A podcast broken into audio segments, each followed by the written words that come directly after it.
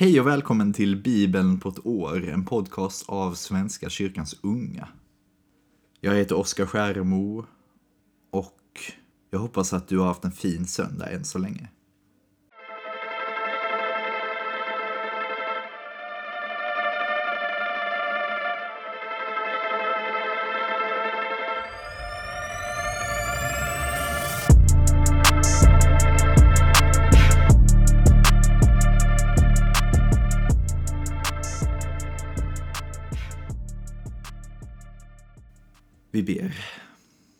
Gud för att du älskar oss evinnerligt.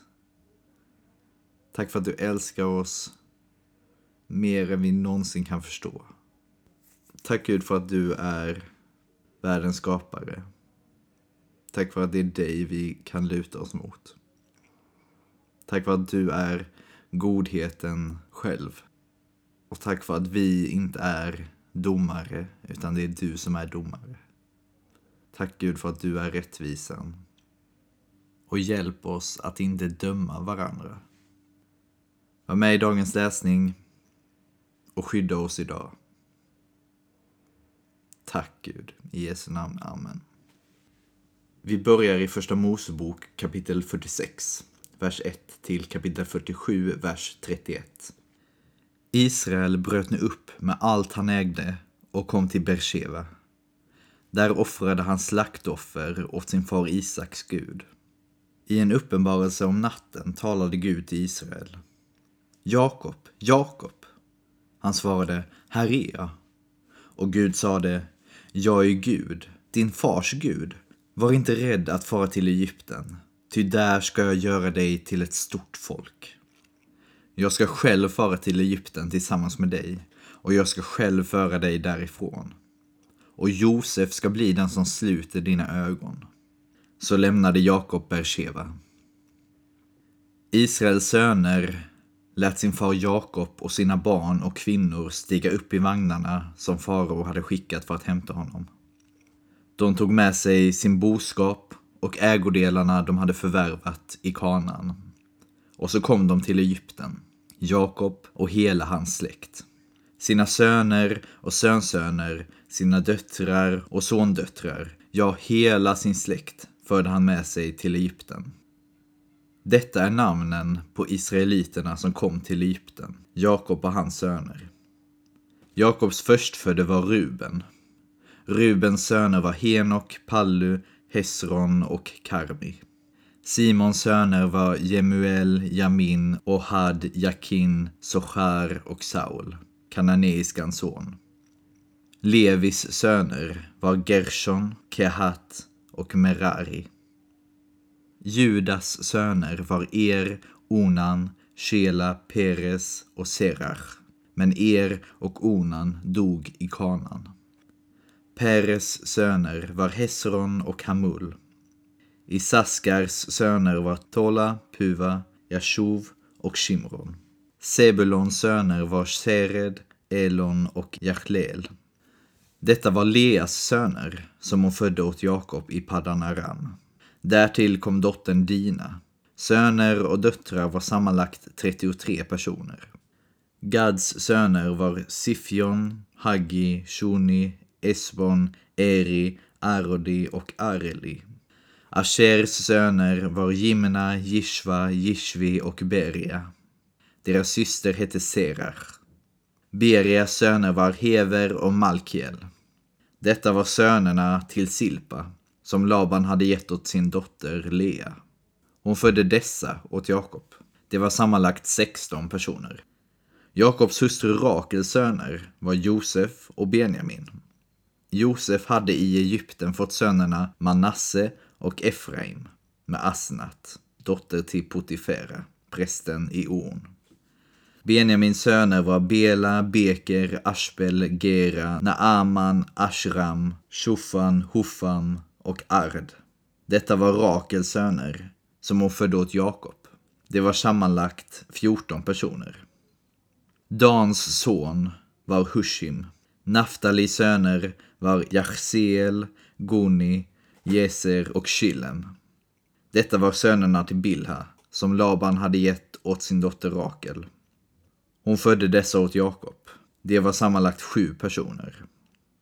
De som Jakob hade med sig till Egypten och som härstammade från honom, hans sonhustrur, alltså oräknade, var sammanlagt 66 personer. Och eftersom de söner Josef fick i Egypten var två, blev de sammanlagt 70 personer av Jakobs släkt som kom till Egypten. Israel hade skickat Juda i förväg till Josef för att få reda på vägen till Goshen. När de kom fram dit lät Josef spänna för sin vagn och åkte till Goshen för att möta sin far Israel. När han nu stod inför honom föll han honom om halsen och grät länge. Och Israel sade till Josef, nu kan jag dö, nu har jag sett dig och vet att du lever. Josef sade till sina bröder och till de andra i sin fars familj. Jag ska uppsöka farao och underrätta honom om att mina bröder och hela min fars familj har kommit till mig från kanan. De är herdar, ska jag säga. De har alltid hållit boskap och de har med sig sina får och kor och alla sina tillhörigheter. När sedan farao kallar er till sig och frågar vad ni livnär er på ska ni svara Herre, vi har hållit boskap i hela vårt liv, vi liksom våra fäder. Då kommer ni att få bo i Goshen. Hedar är nämligen något orent för egyptierna. Josef kom till farao och underrättade honom om att hans far och hans bröder hade kommit från kanan med sina får och kor och allt de ägde och nu var i Goshen. Josef hade tagit med sig fem av bröderna och lät dem träda fram inför honom. När farao frågade dem vad de livnärde sig på svarade de Vi är hedar, herre. Vi liksom våra fäder. Sedan sade de till farao Vi har kommit för att vara en tid här i landet. Vi har inget bete till våra får och getter eftersom det är svår missväxt i kanan. Vi ber dig, herre, låt oss få bo i Goshen. Farao sade till Josef, din far och dina bröder har alltså kommit till mig. Hela Egypten ligger öppet för dig. Låt din far och dina bröder bosätta sig i den bästa delen av landet. De får bo i Goshen. Och om du känner några av dem som duktiga karar kan du ge dem uppsikten över min boskap. Sedan hämtade Josef sin far Jakob och föreställde honom för farao. Jakob hälsade farao och farao frågade om hans ålder. Min vandringstid har varat 130 år, svarade Jakob. Få och svåra har mina levnadsår varit. De har inte blivit så många som mina fäders vandringsår. Jakob tog farväl av farao och lämnade honom. Josef lät sin far och sina bröder bo i Egypten och gav dem jord där, i den bästa delen av landet i Ramses, så som farao hade befallt. Och Josef sörjde för att hans far och hans bröder och hela hans fars släkt fick livsmedel allt efter familjernas storlek. På hela jorden var man nu utan bröd. Hungersnöden var mycket stor och både Egypten och kanan var nära att förgås av hunger. Genom att låta folket köpa säd samlade Josef alla pengar som fanns i Egypten och i kanan och förde dem till farao. När pengarna hade tagit slut i Egypten och kanan kom egyptierna till Josef. Ge oss bröd, bad de. Eller måste vi dö här i din åsyn bara för att vi inte har några pengar? Då svarade Josef. Är pengarna slut, så kom hit med er boskap, då ger jag er bröd i utbyte. De kom med sin boskap till Josef och han gav dem bröd i utbyte mot hästarna, fårjordarna, nötboskapen och åsnorna. Så försörjde han dem det året med bröd i utbyte mot all deras boskap. Året gick till ända och följande år kom de till Josef och sade Vi måste säga som det är, herre. Pengarna är slut och vår boskap har du redan fått. Det enda vi kan ge dig är våra kroppar och vår jord. Eller måste vi dö inför ögonen på dig, vi och vår jord? Ta oss och vår jord i betalning för bröd. Vi och vår jord blir faraos egendom. Bara du ger oss utsäde så att vi kan överleva och inte behöver dö och vår jord slipper ligga öde. Då köpte Josef all jord i Egypten åt farao. Alla egypter sålde sina åkrar eftersom hungersnöden var så svår. Jorden blev på detta sätt faraos egendom och överallt i hela Egypten gjorde han människorna till slavar. Prästernas jord köpte han dock inte. De hade sitt lagstadgade underhåll från farao. De levde på det underhåll farao gav dem och behövde därför inte sälja sin jord. Josef sa till folket, nu har jag köpt er och er jord åt farao.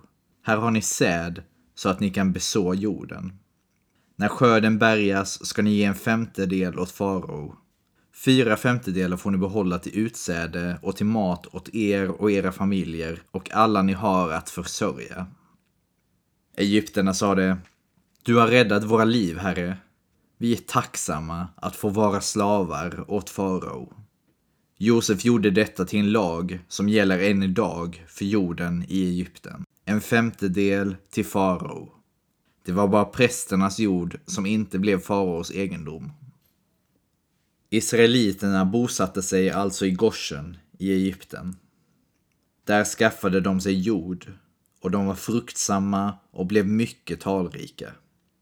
Jakob levde 17 år i Egypten. Hans livstid blev 147 år. När tiden närmade sig då Israel skulle dö kallade han till sin son Josef och sade till honom Jag ber dig om en ynnest. Lägg handen mellan mina lår och svär att visa mig din kärlek och trofasthet. Begrav mig inte i Egypten. När jag har gått till vila hos fäderna, för mig då bort från Egypten och lägg mig i mina fäders grav. Josef svarade, jag ska göra som du har sagt. Ge mig din ed, sade Jakob. Och han gav honom sin ed. Sedan knäföll Israel vid sängens huvudgärd. Ja, här får vi lära oss alltså att allt land i Egypten, förutom prästernas, blev faraos egendom. Och en femtedel av allt skulle gå till farao. Så vi kan ju bara tänka hur mycket egendom som farao hade till slut. Vi går vidare till Matteus evangeliet kapitel 15, vers 1 till 28. Sedan kom fariseer och skriftlärda från Jerusalem fram till Jesus och sade Varför bryter dina lärjungar mot fädernas regler? De tvättar ju inte händerna innan de äter. Han svarade Varför bryter ni själva mot Guds bud för era reglers skull? Gud har sagt Visa aktning för din far och din mor och den som smädar sin far eller sin mor ska dö.